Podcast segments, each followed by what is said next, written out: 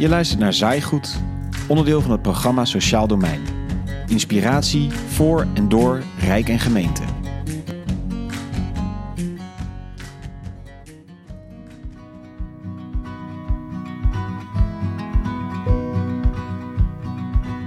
In deze podcast gaan we in op hoe de gemeente Utrecht het sociaal domein heeft ingericht. De stad maakt enkele fundamentele keuzes die maken dat hun manier van werken in de rest van het land veel aandacht krijgt. Daarom duiken we in deze podcast in hoe Utrecht de buurteams en de aanvullende specialistische hulp heeft vormgegeven. Wat zijn sleutels in hun manier van werken? Welke lessen kunnen we daaruit trekken? En hoe is Utrecht zelf bezig om hun werkwijze door te ontwikkelen? In deze podcast horen we Maarten van Ooyen, wethouder maatschappelijke ondersteuning en welzijn, Toke Tom, themadirecteur Sociaal Domein, Peter de Visser, bestuurder van de buurteamorganisatie Sociaal en Suzanne Verdolt, kwartiermaker van de pilot buurtgerichte specialistische jeugdhulp.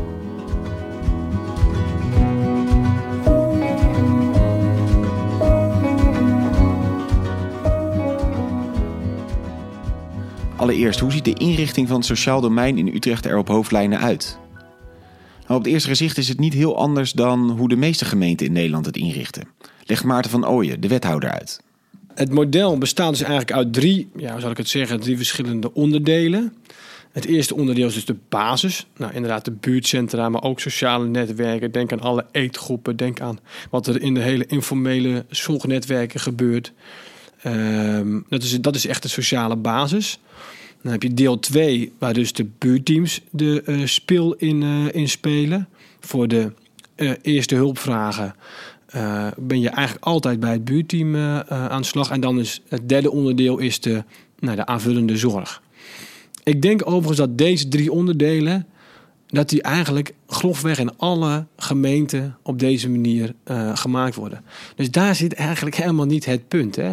Het Utrechtse model onderscheidt zich niet door deze drie onderdelen.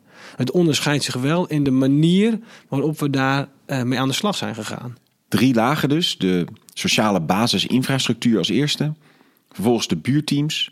En dan waar nodig specialistische zorg. Dat is inderdaad niet zo onderscheidend, maar de sleutel zit in de manier waarop Utrecht de buurteams neerzet. En vooral eigenlijk de buurteam professionals. Belangrijk is dat zij uh, generalist zijn, vergelijkbaar met de huisarts, die zelf hulp verleent en doorverwijst.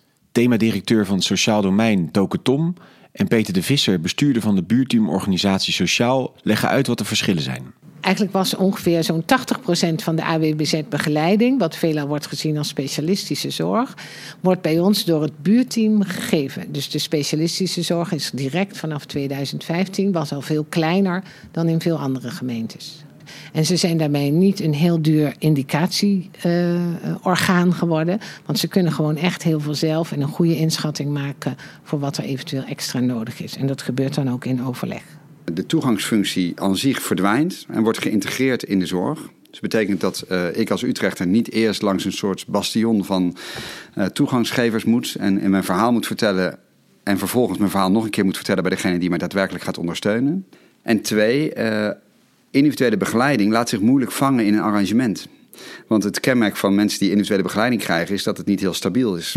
Dus dat betekent dat de ondersteuning die je daaraan zou moeten geven, dat dat per week, per maand uh, kan verschillen. En soms is dat heel lang, soms is dat heel kort, soms is het heel kort, dan weer even niet, dan weer wel. En juist die, uh, uh, dat type zorg verhoudt zich dus slecht tegen het model van één keer toegang. En daarna heb je een boterbriefje en kun je, krijg je eigenlijk altijd ondersteuning. Niemand registreert iets. Het enige wat we registreren is een ondersteuningsplan. En dat doen we samen met die klanten. Daar staan doelen in. En het doel van het ondersteuningsplan is om structuur te geven aan de ondersteuning. Om houvast te geven aan de, aan de klant. En ook om onze professionaliteit te borgen. Het doel van het ondersteuningsplan niet is om data te genereren. Die komen er wel vandaan, maar dat is niet het primaire doel. En we registreren dus niks wat niet bijdraagt aan de ondersteuning van die klant. De buurteamprofessionals doen dus heel veel zelf. 80% van wat in het oude stelsel AWBZ begeleiding was. Ze functioneren zo ongeveer als de huisarts. Ze behandelen in principe zelf en schakelen alleen als het nodig is specialistische hulp in. Ze indiceren dus ook niet op welk arrangement iemand recht heeft, maar kijken steeds wat er nodig is. En dat met lage administratieve lasten. Deze manier van werken was in eerste instantie wel eens onwennig. In het begin was continu de vraag: wat moeten we doen? Hoeveel ondersteuning moet ik bieden? Wie moet ik wel of niet ondersteunen? Uh, en het uh, flauwe antwoord wat ik dan uh, geef is: ja, sorry, maar ik ben daar dus niet voor opgeleid. en het enige wat ik heb gedaan is jou aangenomen. Want ik denk dat jij competent bent om die afweging te maken. En het is natuurlijk flauw. Dus ik zeg: ik wil best met je daarover praten. Vertel welke dilemma's er zijn. Maar uiteindelijk denk ik echt oprecht dat jij degene bent die het best in staat is om die afweging te maken. Niet alleen om wat je kunt en wie je bent, maar ook omdat jij in die wijk zit, die mensen voor je hebt staan. En jij ook al die mensen ziet. En in het begin is dat onwennig. en wat we hebben gedaan is elke maand die teams bij elkaar zetten en gezegd reflecteer eens op de beslissingen die je hebt genomen. Die mensen die je bent gaan ondersteunen uh, een maand geleden, als die nu weer voor jou zouden zitten, zou je dan dezelfde afweging maken? Zou je dezelfde inspanning doen? Zou je dezelfde inzet doen? Um, de doelen die je met elkaar hebt afgesproken, zijn die eigenlijk gehaald? En dat op die manier ook accepteren dat zo'n organisatie daarin leert en dat ze daarin ontwikkelen. Daarmee is het dus zo dat ook in dit model er dingen fout gaan. Uh, mensen soms hele goede ondersteuning krijgen, soms minder goede ondersteuning krijgen. Dat is, we hebben geen toverstok om alles beter te maken. Alleen, uh, het werk wordt leuker voor die professional. Je gebruikt de competenties van die professional, want hier zijn ze voor opgeleid. Zij kunnen die afweging veel beter maken. De klanttevredenheid neemt toe, omdat mensen niet eerst drie keer moeten uitleggen waarom ze echt vinden dat ze ondersteuning nodig hebben. Uh, het ook niet meer gaat over hoeveel uur langskomt, maar het gaat er eigenlijk over wat is jouw ondersteuningsvraag, hoe kunnen we je daarbij helpen. Maar hoe stuurt Utrecht dan op financiën? Als professionals vrijgelaten worden en ze geen indicaties of arrangementen hoeven af te geven, krijg je dan niet een ongelimiteerde groei van zorg? Wij hebben het echt opengegooid. We hebben gezegd tegen de aanbieders: financieel heeft de gemeente één budget. We hebben geen, uh, we hebben geen honderd verschillende. Eigenlijk hebben wij één budget hè, voor uh, uh, deze taken binnen de WMO. Dat betekent dat als wij ehm, de buurteams op een andere manier inzetten, uh, dat dat geld dus van de buurteams naar bijvoorbeeld aanvullende zorg gaat. Of andersom, als er minder zorg bij aanvullende zorg, dan gaat het naar de buurteams. Want dat is uiteindelijk, moet het uit dezelfde, hetzelfde budget uh, uh, komen. Dus we hebben ook tegen hen gezegd, vanuit die stelselverantwoordelijkheid, stel dat die buurteams nu toch meer gaan doorverwijzen, dan betekent dat maar één ding, namelijk dat, dat wij ook in het budget daarop uh, uh, uh, gaan korten. Want wij moeten dat geld dan besteden aan die partijen in aanvullende zorg. Anders komen we er niet mee uit. De gemeente Utrecht subsidieert ons, buurteam sociaal. Wij krijgen een bedrag dat gelijk staat aan 65% van, de, van wat vroeger ambulante begeleiding was. Daarvoor moeten wij elke Utrechter met een vraag ondersteunen. Dat bedrag is bekend voor de komende zes jaar, wordt geïndexeerd. En dat noemen we eigenlijk dat noemen we een lump sum. De gemeente Utrecht maakt het niet uit welke ondersteuning je biedt, als je er maar voor zorgt dat elke Utrechter met een vraag ondersteund wordt. Eerst door ons, de basiszorg, en lukt dat niet door de specialistische zorg. Wij accepteren elke Utrechter. De specialistische basiszorg moet iedereen accepteren die wij naar ze doorverwijzen. Daarmee is op voorhand het geld volstrekt duidelijk. En is er eigenlijk geen enkele prikkel meer op individueel niveau om meer of minder uren te leveren, om meer of minder ondersteuning te leveren. Door één sum bedrag te bieden aan de buurteams en te verwachten dat ze daarvoor al hun taken uitvoeren, voorkom je dat er een prikkel is op individueel niveau om meer productie te draaien, omdat dat tot meer omzet zou leiden. Tegelijkertijd geeft Peter ook aan dat 65% van het budget dat vroeger voor ambulante begeleiding stond, overgekomen is aan de buurteams. Terwijl 80% van de taken zijn overgekomen uit de AWBZ naar de buurteams toe. Dus voor 65% van het budget moet 80% van de taken worden uitgevoerd. Heel veel gemeentes vragen mij: uh, Goh, wat een leuk model, dat willen wij ook doen. Maar ja, dat geeft natuurlijk heel veel uh, gedoe met al die klanten, want die krijgen uiteindelijk minder uur ondersteuning. Dat is absoluut zo, want ja, als je 40% effectiever wordt, betekent het gewoon 40% minder uur inzetten. Dus ja, mensen krijgen per saldo minder uur ondersteuning. Het bijzondere is natuurlijk dat als je aan de voorkant dat tegen de mensen zegt, dat, uh, nou, dan ontbreekt de pleuris uit, om het maar on, onerbiedig te zeggen. Maar het is natuurlijk helemaal niet relevant hoeveel uur je aanbiedt. Eigenlijk is de kunst om met mensen vooral in gesprek te gaan over... goh, uh, wat zijn eigenlijk je zorgen? Waar maak je druk over? Wat zou je eigenlijk willen uh, in je leven, maar lukt nu niet? En als je daar heel erg bij aansluit, dan heeft niemand het meer over uren. Peter geeft een voorbeeld uit de praktijk van de buurteams. Ik heb uh, een meneer gezien die licht verstandelijk beperkt, 75 al, al zijn hele leven twee uur begeleiding per week. Want dat was zo, werd ooit geïndiceerd. En hij deed vrijwilligerswerk bij een kinderboerderij. Onze medewerker kwam daar. Die zegt, ik zit de eerste drie weken zat ik twee uur stilzwijgend naast die man op de bank. Ik kwam er eigenlijk niet veel verder mee. En ik dacht, wat, wat ben ik hier aan het doen? Toen ben ik eens gaan kijken, goh, wie kent hij? Nou, de buurvrouw, die is uitgenodigd de koffie dat ik er ook was. Hij had nog een zus, uh, een paar jaar ouder. Die mensen op de kinderboerderij. Samen zijn we gewoon zo wat mensen gaan bezoeken uit zijn leven. En ik heb tegen iedereen gezegd, joh, uh, als er nou ooit een keer iets misgaat... je maakt je zorgen, je komt er niet uit, bel mij, dan kom ik. En ik had nog een andere klant, zei die uh, medewerker, die een hondje had, maar die kon ze niet meer uitlaten. En vervolgens is hij met die meneer naar die mevrouw gegaan en zijn ze samen dat hondje gaan uitlaten. Dus werd die klant eigenlijk een vrijwilliger. Had hij dan een VOG? Was het allemaal geregeld? Nee. En dat hondje liep ook nog de eerste keer weg. Toen dacht hij, oh jee, als het nu allemaal misgaat, dan uh, is het dan wel goed wat ik hier heb gedaan. Nou ja, natuurlijk. Dit is gewoon het echte leven. Dat hondje kwam gelukkig weer terug. En vervolgens is die meneer twee keer per week zelfstandig dat hondje gaan uitlaten bij die mevrouw. Onze medewerker laat één keer per maand loopt hij mee. Tijdens het uurtje wandelen met die hond hebben ze meer kunnen ze makkelijker tot een gesprek komen dan op de bank bij die man thuis. En uh, we weten gewoon, met deze meneer zal het ooit een keer misgaan. Want hij is niet in staat om in lastige situaties dat zelf op te lossen. Als zijn zus doodgaat, als hij ruzie krijgt met iemand, dan ontstaat er stress en dan gaat hij waarschijnlijk onhandige keuzes maken. Alleen doordat je de omgeving van die meneer hebt ingeschakeld uh, en er genoeg mensen zijn die hem tegenkomen en je nabij bent. Um, ja, heb je eigenlijk veel betere ondersteuning. Terwijl als je kijkt naar de effectieve inzet, was het twee uur per week en nu is het nog een uur per maand. Voordat Utrecht in 2015 in heel de stad op deze manier ging werken, startte het eerst met een pilot in twee wijken. We weten nog niet zo goed, we willen zulke grote veranderingen. Het is nog niet daar. Laten we gaan oefenen. En we hebben toen twee uh, wijkteams, buurteams zijn die later gaan heten, opgericht. Uh, en met de vraag werkt het? En we hebben toen ook aan professionals gevraagd: ga dit eens proberen uh, zoals jullie denken dat dit kan. Probeer dit handen en voeten te geven. En we zijn steeds gaan leren van waaruit zij, uh, wat zij ons weer te vertellen hadden.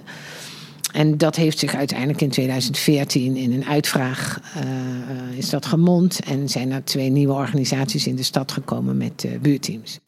Utrecht heeft dus in de pilot geleerd wat voor type mensen nodig zijn in die buurteams om op een goede manier die taken te kunnen uitvoeren. En door vervolgens een aanbesteding te doen en twee nieuwe organisaties op te zetten, had Utrecht ook de mogelijkheid om mensen te selecteren voor die posities. De nieuwe organisaties uh, hebben we echt zorgvuldig uitgezocht. Die bestonden dus nog niet. We hadden alleen de pilotteams. Maar in datzelfde najaar van 2014 hebben ze heel veel mensen aangenomen uit de organisaties van aanvullende zorg die, die AWBZ gaven.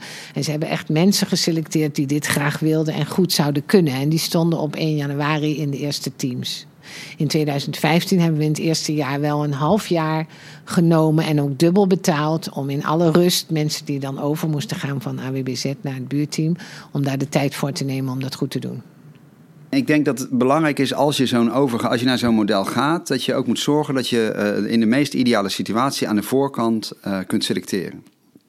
En wat we in Utrecht hebben gedaan is, uh, er is een nieuwe organisatie opgericht. En wij hebben gezegd, wij hebben voor dit werk mensen nodig. En wij gaan in eerste instantie alleen selecteren uit mensen die in Utrecht dit werk nu al doen. Waarbij dit werk redelijk ruim geformuleerd is. Iedereen die in Utrecht op enige manier actief was en uit Utrecht kwam, die kon solliciteren. En we zijn rondjes gaan maken langs alle uh, aanbieders die dat uh, daarvoor deden. En wat ik daar vooral heb verteld, is aan de ene kant uh, hoe ontzettend leuk het is en hoeveel ruimte je krijgt. Maar ruimte en autonomie, zijn hartstikke mooie woorden. Maar dat geeft dus ook meer verantwoordelijkheid. Dat betekent wel dat, jij er zelf, dat je zelf keuzes moet maken. Terwijl je in het verleden misschien veel meer uh, keuzes uitvoerde die een ander had gemaakt.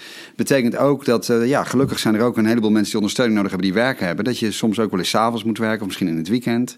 Dat, dat ga ik niet van tevoren afspreken dat je elke dinsdagavond moet werken. Nee, dat is jouw eigen. Je, wij gaan niet op die uren zitten, maar daar hoort dus ook bij dat je zelf op die uren beschikbaar bent, dat nodig is.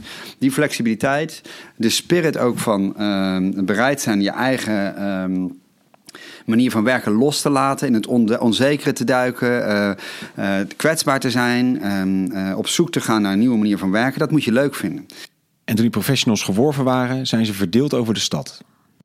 Toen wij startten, hebben we eigenlijk op basis van de historische zorgvraag, de sociaal-economische status in een wijk, uh, alle beschikbare informatie, hebben we een soort profiel per buurt gemaakt. En op basis daarvan hebben we gekeken van welke expertise zou nou minimaal in elk team aanwezig moeten zijn. En voor sommige wijken, welke expertise moet hier dominant aanwezig zijn. En vervolgens hebben we die medewerkers zo verdeeld over die teams, dat er een evenredige uh, verdeling is van die specialismen over die teams.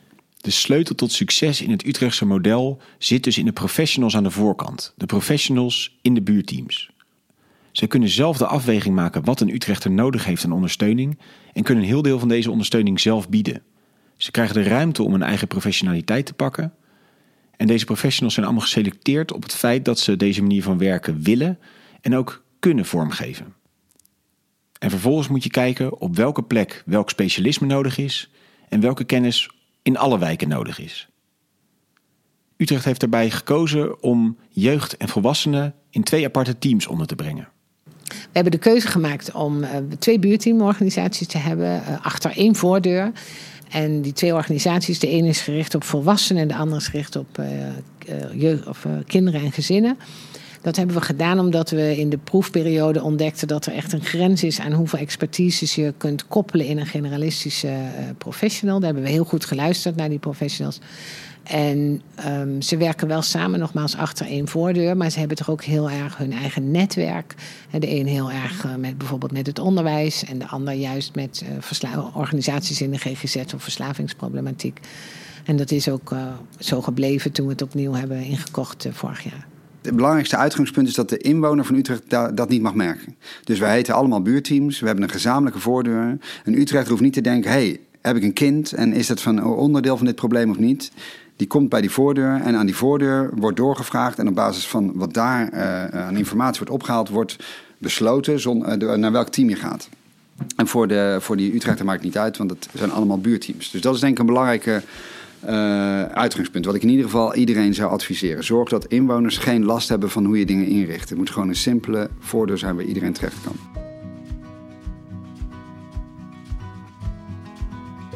Tot nu toe hebben we het vooral over de buurteams gehad. Maar Utrecht heeft daarnaast dus nog twee andere lagen. De sociale basis, dan de buurteams en dan de aanvullende of specialistische hulp.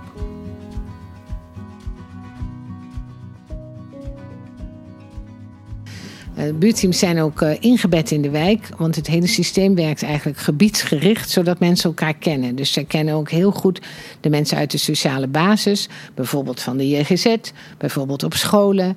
Uh, ze kennen de huisartsen, ze kennen de wijkverpleegkundigen. En op die manier kunnen zij ook heel snel schakelen als dat nodig is rondom een cliënt. We hebben het netwerk informele zorg, wat allemaal partijen heeft die, uh, uh, die met elkaar in een netwerk gestapt zijn. We moeten met elkaar een, een, betere alliantie vormen, ook om een goede ingang te zijn naar die, uh, naar die buurteams toe. En die hebben op een gegeven moment een soort uitwisseling gehad tussen de buurteams en het netwerk informele zorg. Van wat doen wij eigenlijk en hoe kunnen we elkaar ondersteunen? Dat noemden we op een gegeven moment ambassadeurs van netwerk informele zorg. En die hebben op een gegeven moment gewoon meegelopen. En andersom ook. Om elkaars werkveld veel beter te zien. Want het is echt heel anders als je bij een handje helpen werkt. Of je komt uit de sociaal-juridische hulpverlening. Dat zijn andere werelden. Um, en dat hebben we bij elkaar gebracht. En op deze manier is er veel meer perspectief uh, over en weer gekomen. Over wanneer kan ik eigenlijk inderdaad dankbaar gebruik maken van, van uh, wat er gebeurt in het informele netwerk. En wanneer kan het ook niet? En wanneer moet je daar ook niet op hopen? Die kennis over en weer en die interactie tussen de sociale basis en het buurteam. En zoals je straks zult horen, ook tussen het buurteam en de specialistische hulp, is heel belangrijk. Er zijn dan ook niet altijd zwart-wit grenzen tussen waar de sociale basis eindigt en het buurteam begint. En waar het buurteam eindigt en de specialistische hulp begint. Dus het buurteam uh, kan mensen toeleiden naar alle voorzieningen die er in de wijk zijn. Maar die kan ook en moet eigenlijk ook aangeven welke voorzieningen er nodig zijn. Omdat het kan zijn dat in een specifieke buurt, door het type woningen wat er zijn, relatief veel uh, jonge mannen zijn met uh, gedragsproblemen. Die slecht landen in een sportvereniging. Dan is dat een heel belangrijk signaal om aan te geven uh, bij bijvoorbeeld een sportvereniging of een uh, combinatiefunctionaris of een sociaal makelaar. Zodat zij daar vervolgens mee aan de slag kunnen gaan. Uh, en dan, dan moet je volgens mij vooral grijze gebieden durven laten ontstaan. Je ziet dat heel veel gemeentes enorm willen afbakenen wie waarvoor is. En dat werkt niet, want dat is namelijk niet te bepalen. Dus soms doen onze buurteammedewerkers werk wat je eigenlijk ook een opbouwwerker zou kunnen laten doen. En soms doet een opbouwwerker werk wat lijkt op een op werk van een individueel begeleider. Dat is niet erg, zolang dat maar gecoördineerd gebeurt. Dus wat je vooral, denk ik, heel goed moet regelen, is erkennen en expliciet maken dat er grijze gebieden zijn. En niet de verantwoordelijkheid voor het grijze gebied bij de gemeente neerleggen, maar de verantwoordelijkheid voor het grijze gebied bij de uitvoerders neerleggen. In dit geval de buurteamorganisatie Sociaal en de sociaal makelaar. Of de buurteamorganisatie Sociaal en de ambulant begeleider in het specialistische veld. Ook in dit geval geldt dus dat Utrecht de buurteammedewerker expliciet de ruimte geeft om zijn eigen professionele afweging te maken. Dat geldt ook voor het aanhaken van specialistische of aanvullende zorg. Een buurteammedewerker kan dus, uh, als er behoefte aan is, uh, doorverwijzen naar uh, aanvullende zorg. Of liever nog andersom, mensen uit aanvullende zorg bij het gezin halen, bij de kwestie halen. Um, dat kan bijvoorbeeld zijn dat er schuldhulpverlening nodig is van veel specialistische aard, maar ook GGZ-expertise of expertise op een, een, een aandoening die iemand heeft. Token geeft dus aan dat het belangrijk is dat er zoveel als mogelijk geprobeerd wordt specialistische zorg aan te haken in plaats van dat er doorverwezen wordt. Op die manier blijft die buurteammedewerker centraal staan in de dienstverlening aan een Utrechter. Het is niet zo dat Utrecht al gelijk op 1 januari 2015 op deze manier ging werken. Ook sinds 2015 uh, zijn we steeds bezig geweest om verder te ontwikkelen samen met de stad, stap voor stap. En een van de belangrijke onderdelen was daarin dat we ontdekten samen met onze partners dat de specialistische zorg eigenlijk niet op een manier kon samenwerken. Uh, zoals we dat graag wilden, als ze niet ook gebiedsgericht zouden gaan werken. Dat hè, zowel de, de hulpverlener GGZ uh, als de buurteam, als uh, de huisarts en de school elkaar toch kennen. Dat is heel erg belangrijk. Dat gebiedsgerichte is een, een pijler onder ons systeem. Als je hele aanpak erop gericht is om buurtgericht te werken, is het ergens logisch om ook je specialistische zorg op die manier in te richten. Suzanne Verdold, kwartiermaker van de pilot Buurtgerichte Specialistische Jeugdhulp, vertelt wat de gedachte was van gemeenten en aanbieders toen ze die constatering deden. Laten we het maar gewoon gaan proberen. Uh, en dat is waarmee in Utrecht de pilot is opgezet om in twee wijken integrale jeugdhulp uh, specialistische jeugdhulp neer te zetten. En daarmee hebben we ook wel kunnen kijken van wat uh, kun je daar op een andere manier in doen. Want nu wordt er heel snel doorverwezen. Uh, dus um, als we denken dat um, er misschien eh, met een kind meer aan de hand is, dus bijvoorbeeld sprake is van trauma of van ADHD, dan wordt er doorverwezen naar een andere hulpverlener. Die moet dan zeggen of dat aan de hand is uh, en daar wel of niet behandeling op doen. Terwijl wat we nu doen is eigenlijk veel meer aansluiten bij de hulpverlening die al in het gezin is. Uh, en hoe werk je dan samen? Dat gaat erover dat je elkaar kent, um, weet hier ben jij heel goed in, jij hebt al het contact met het gezin um, en je um, bespreekt met elkaar wat het dan is wat je specifiek van mij nodig hebt. Dus niet het hele aanbod, uh, maar precies dat stukje wat je nog mist in dat wat je nu met het gezin aan het doen bent. Um, ik vind het vaak een soort Lego-huisjes. We hebben um, huisjes gebouwd van Lego-blokken. Uh, en dat noemen we aanbod. Dan zeggen we: dit is uh, het traject uh, wat wij doen. maar als je vraagt: mag ik de helft van deze stenen? Dat kan niet. Dan moet het vaak wel het hele Lego-huisje zijn, um, of niet. Terwijl ik denk, soms ben je al de helft van het Lego-huis. en heb je dus niet nog een hele daarnaast nodig om dat te kunnen doen. In deze manier van werken kijken dus de buurteamprofessional samen met het gezin naar welke specialistische hulp nodig is. En de specialistische hulp biedt niet kant-en-klare pakketten van complete arrangementen, maar kan modulair werken en precies dat bieden wat nodig is. Dat kan soms advies zijn, soms echte ondersteuning en soms een veel uitgebreider traject. En dat eh, heeft ook consequenties voor financiering. Want dat maakt dat je uh, de ene keer meer doet dan de andere keer. Dus je hebt geen standaard trajecten, geen standaard pakketten. Um, uh, dus ook niet die je standaard kunt financieren. Maar dat maakt ook dat we bijvoorbeeld consult kunnen doen. Dus echt een keertje mee met een collega van het buurteam of aansluiten bij een gesprek van een gezin met de huisarts. Uh, om dat gewoon een uurtje te doen. Um, en dat zit in de financiering. Uh, dus daar hoef je niet uh, um, eerst weer een traject voor aan te vragen of een beschikking voor aan te vragen.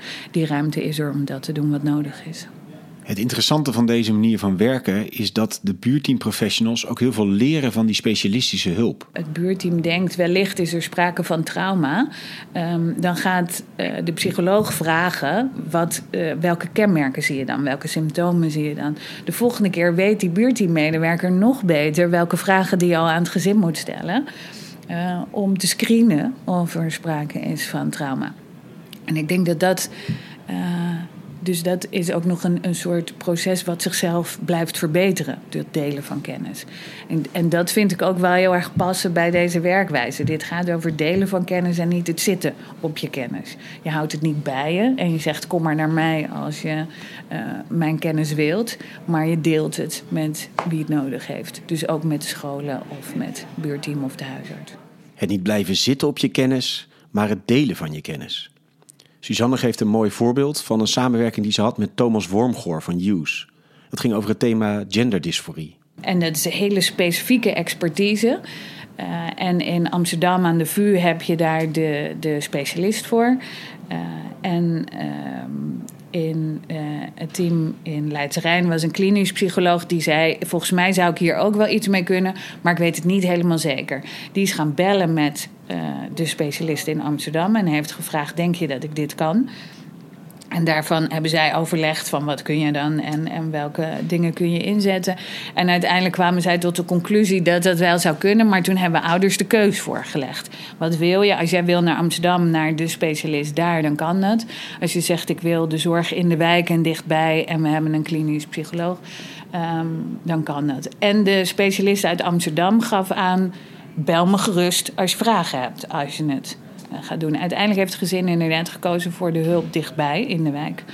Um, en heeft um, uh, de, de VU een e-learningsmodule gemaakt waarin zij hun kennis hebben gedeeld voor meerdere professionals in deze teams. Dus daarbij denk ik dat daarvan zie je echt dat het anders kijken is naar hoe ga je met kennis om. En uiteindelijk wil je dat de kennis komt bij de kinderen die het nodig hebben. Uh, en dat vraagt een andere manier van werken. De pilot die startte in twee wijken werd zeer positief beoordeeld. Zowel door professionals als door de gezinnen zelf. Die gaven echt heel erg aan dat zij het heel fijn vonden dat, uh, um, dus inderdaad, dat hun vraag centraal stond.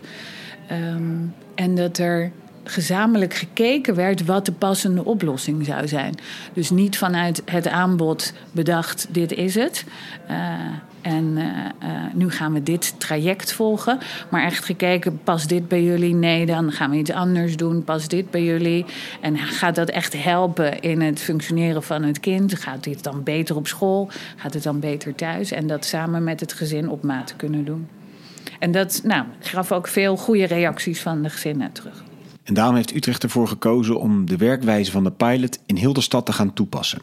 Toen hebben we weer een inkoop uh, uitgezet. We hebben echt een, nieuwe aanbesteding daarom uh, gevraagd. Om deze buurtgerichte aanvullende zorg in de, in de jeugdzorg. We hebben een dialooggerichte aanbesteding daarvoor uh, gekozen.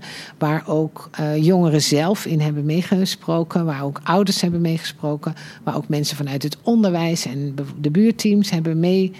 Uh, gedacht en uh, dialoog gevoerd hebben met de potentiële aanbieders die dit konden gaan doen. Daar hebben we ongeveer een half jaar over gedaan. En in afgelopen juli hebben we met elkaar uh, de keuze gemaakt voor twee organisaties in de stad die deze specialistische jeugdzorg gaan bieden. In nauwe aansluiting op het buurteam.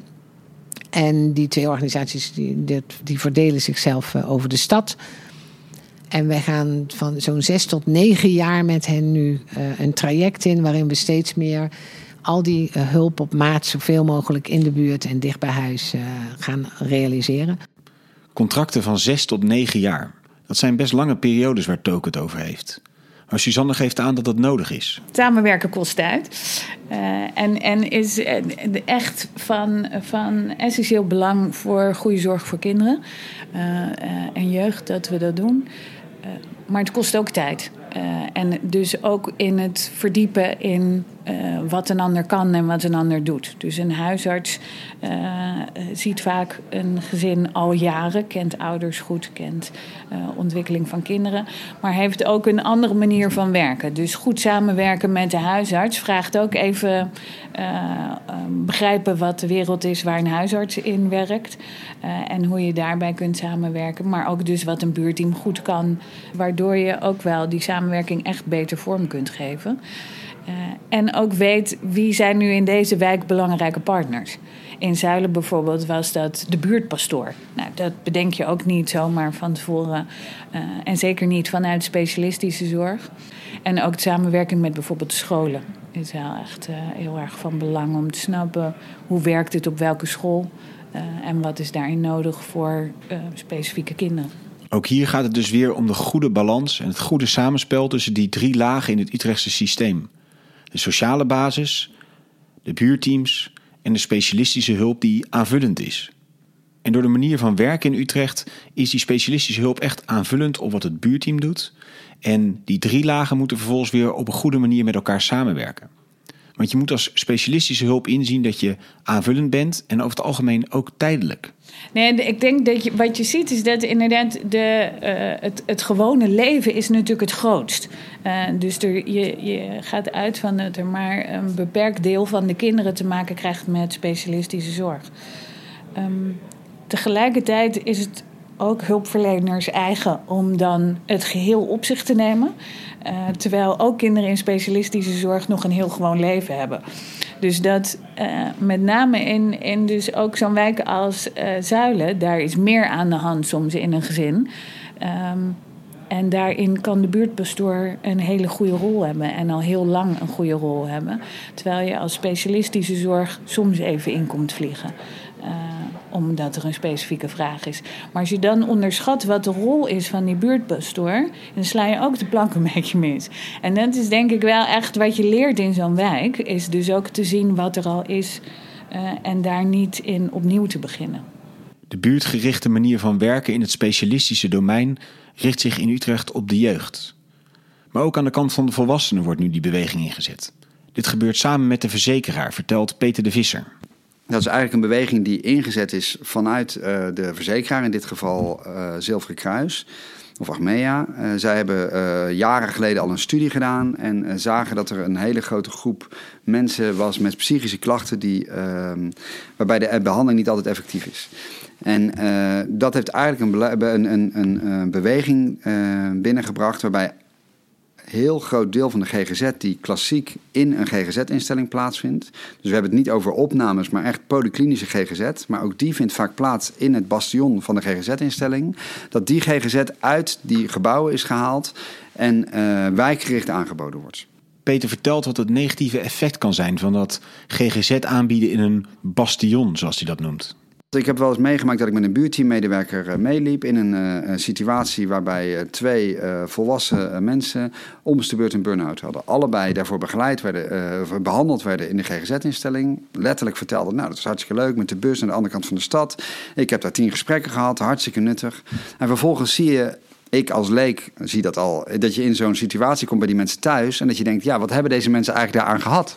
Terwijl op zich die uh, specifieke competentie en kennis van die specialistische behandelaar ontzettend relevant zou zijn. Alleen de kunst is om die competentie in de context relevant te maken. En uh, door die GGZ in de wijk te zetten, letterlijk op dezelfde locatie als het buurteam, zie je dat de interactie tussen dat buurteam en die, en die, en die uh, psychiater veel directer wordt. En dan uh, zie je dat het in het stelsel zitten er allerlei ingewikkeldheden in. Hè? Want dat gaat natuurlijk via de huizen enzovoort. Maar in de praktijk zie je dat dat zichzelf behoorlijk oplost omdat die mensen bij elkaar zitten. En veel van die klanten het ook helemaal niet erg vinden dat er interactie is. Alleen in het verleden, toen die psychiater nog veel verder weg was, ging het eerst via een SPV, waren er allerlei omwegen. En zag je dat onze uh, buurteammedewerkers best schroom hadden en moeite hadden om direct toegang te krijgen tot die behandelaar. Nu die behandelaar in de wijk zit, zie je dat er eigenlijk veel directer contact is, dat er veel meer onderling begrip is en dat er langzaam maar zeker ook steeds meer uh, slagen worden gemaakt om gezamenlijk op te trekken. We hebben in deze podcast gehoord over de manier waarop Utrecht het sociaal domein inricht. Op zich zijn de drie lagen die ze toepassen, de sociale basis, de buurteams en de aanvullende specialistische hulp, niet zo bijzonder. Maar het is de manier waarop Utrecht het inricht die het anders maakt. De buurteamprofessional is echt de sleutel in het systeem in Utrecht. Zij hebben een enorme ruimte om zelf te handelen. 80% van wat eerst AWBZ begeleiding was, doet de buurteamprofessional zelf. Daarmee is de buurteam professional niet een indicatieorgaan, maar echt een handelende professional. Een beetje aan de huisarts. En als het dan nodig is om door te verwijzen, dan is het niet zo dat die specialistische zorg het helemaal overneemt, maar dat die zoveel mogelijk aanvullend is op wat de buurteamprofessional aan het doen is. Om dit mogelijk te maken is die hele specialistische zorg niet ingericht in kant-en-klare arrangementen, maar modulair. Het zijn niet kant-en-klare Lego-huisjes, maar ja, Lego-huisjes waar je ook stukken van kan kiezen. Aan de kant van jeugd wordt dit nu over de hele stad uitgerold. En aan de kant van de volwassenen zijn ze nu onder andere op het gebied van GGZ bezig om samen met de verzekeraar ook buurtgericht te werken. Het is het vertrouwen in de buurteammedewerker en die de ruimte geven om vanuit zijn kennis en kunde de juiste beslissing te nemen, specialistische hulp aan te haken indien nodig en zo vanuit de vraag van de inwoner te kunnen denken. En alle administratieve en financiële componenten daaromheen is allemaal ten dienste aan de ruimte en het vertrouwen aan de professional. Wethouder Maarten van Ooyen heeft een anekdote die eigenlijk dat mooi samenvat. Hij vertelt over een werkbezoek wat hij een keer deed. Dus ik was bij uh, een mevrouw thuis. En uh, die mevrouw werd al geholpen door een behandelaar. Dus er was al een psychiater die daarbij betrokken was. En de, ik kwam dus daar vanuit het GGZ-gebiedsteam. Dus eigenlijk een combinatie van buurteam met GGZ-partijen. Ik kwam daar bij die mevrouw thuis en ik constateerde op een gegeven moment uh, zo tussen neus en lippen door dat gesprek, dat er eigenlijk nog helemaal geen beschikking was voor die mevrouw, voor die ondersteuning die zij kreeg. Dus ik dacht, hoor ik dat nou goed? Nou, die mevrouw die had er natuurlijk helemaal geen perspectief van. Maar zei, ja, ik moet nog een brief krijgen, daar moet ik nog ondertekenen. En ik snapte er helemaal niks van. Maar, uh, dus ik dacht, brief krijgen, brief krijgen. Volgens mij is er gewoon nog helemaal geen beschikking uh, afgegeven.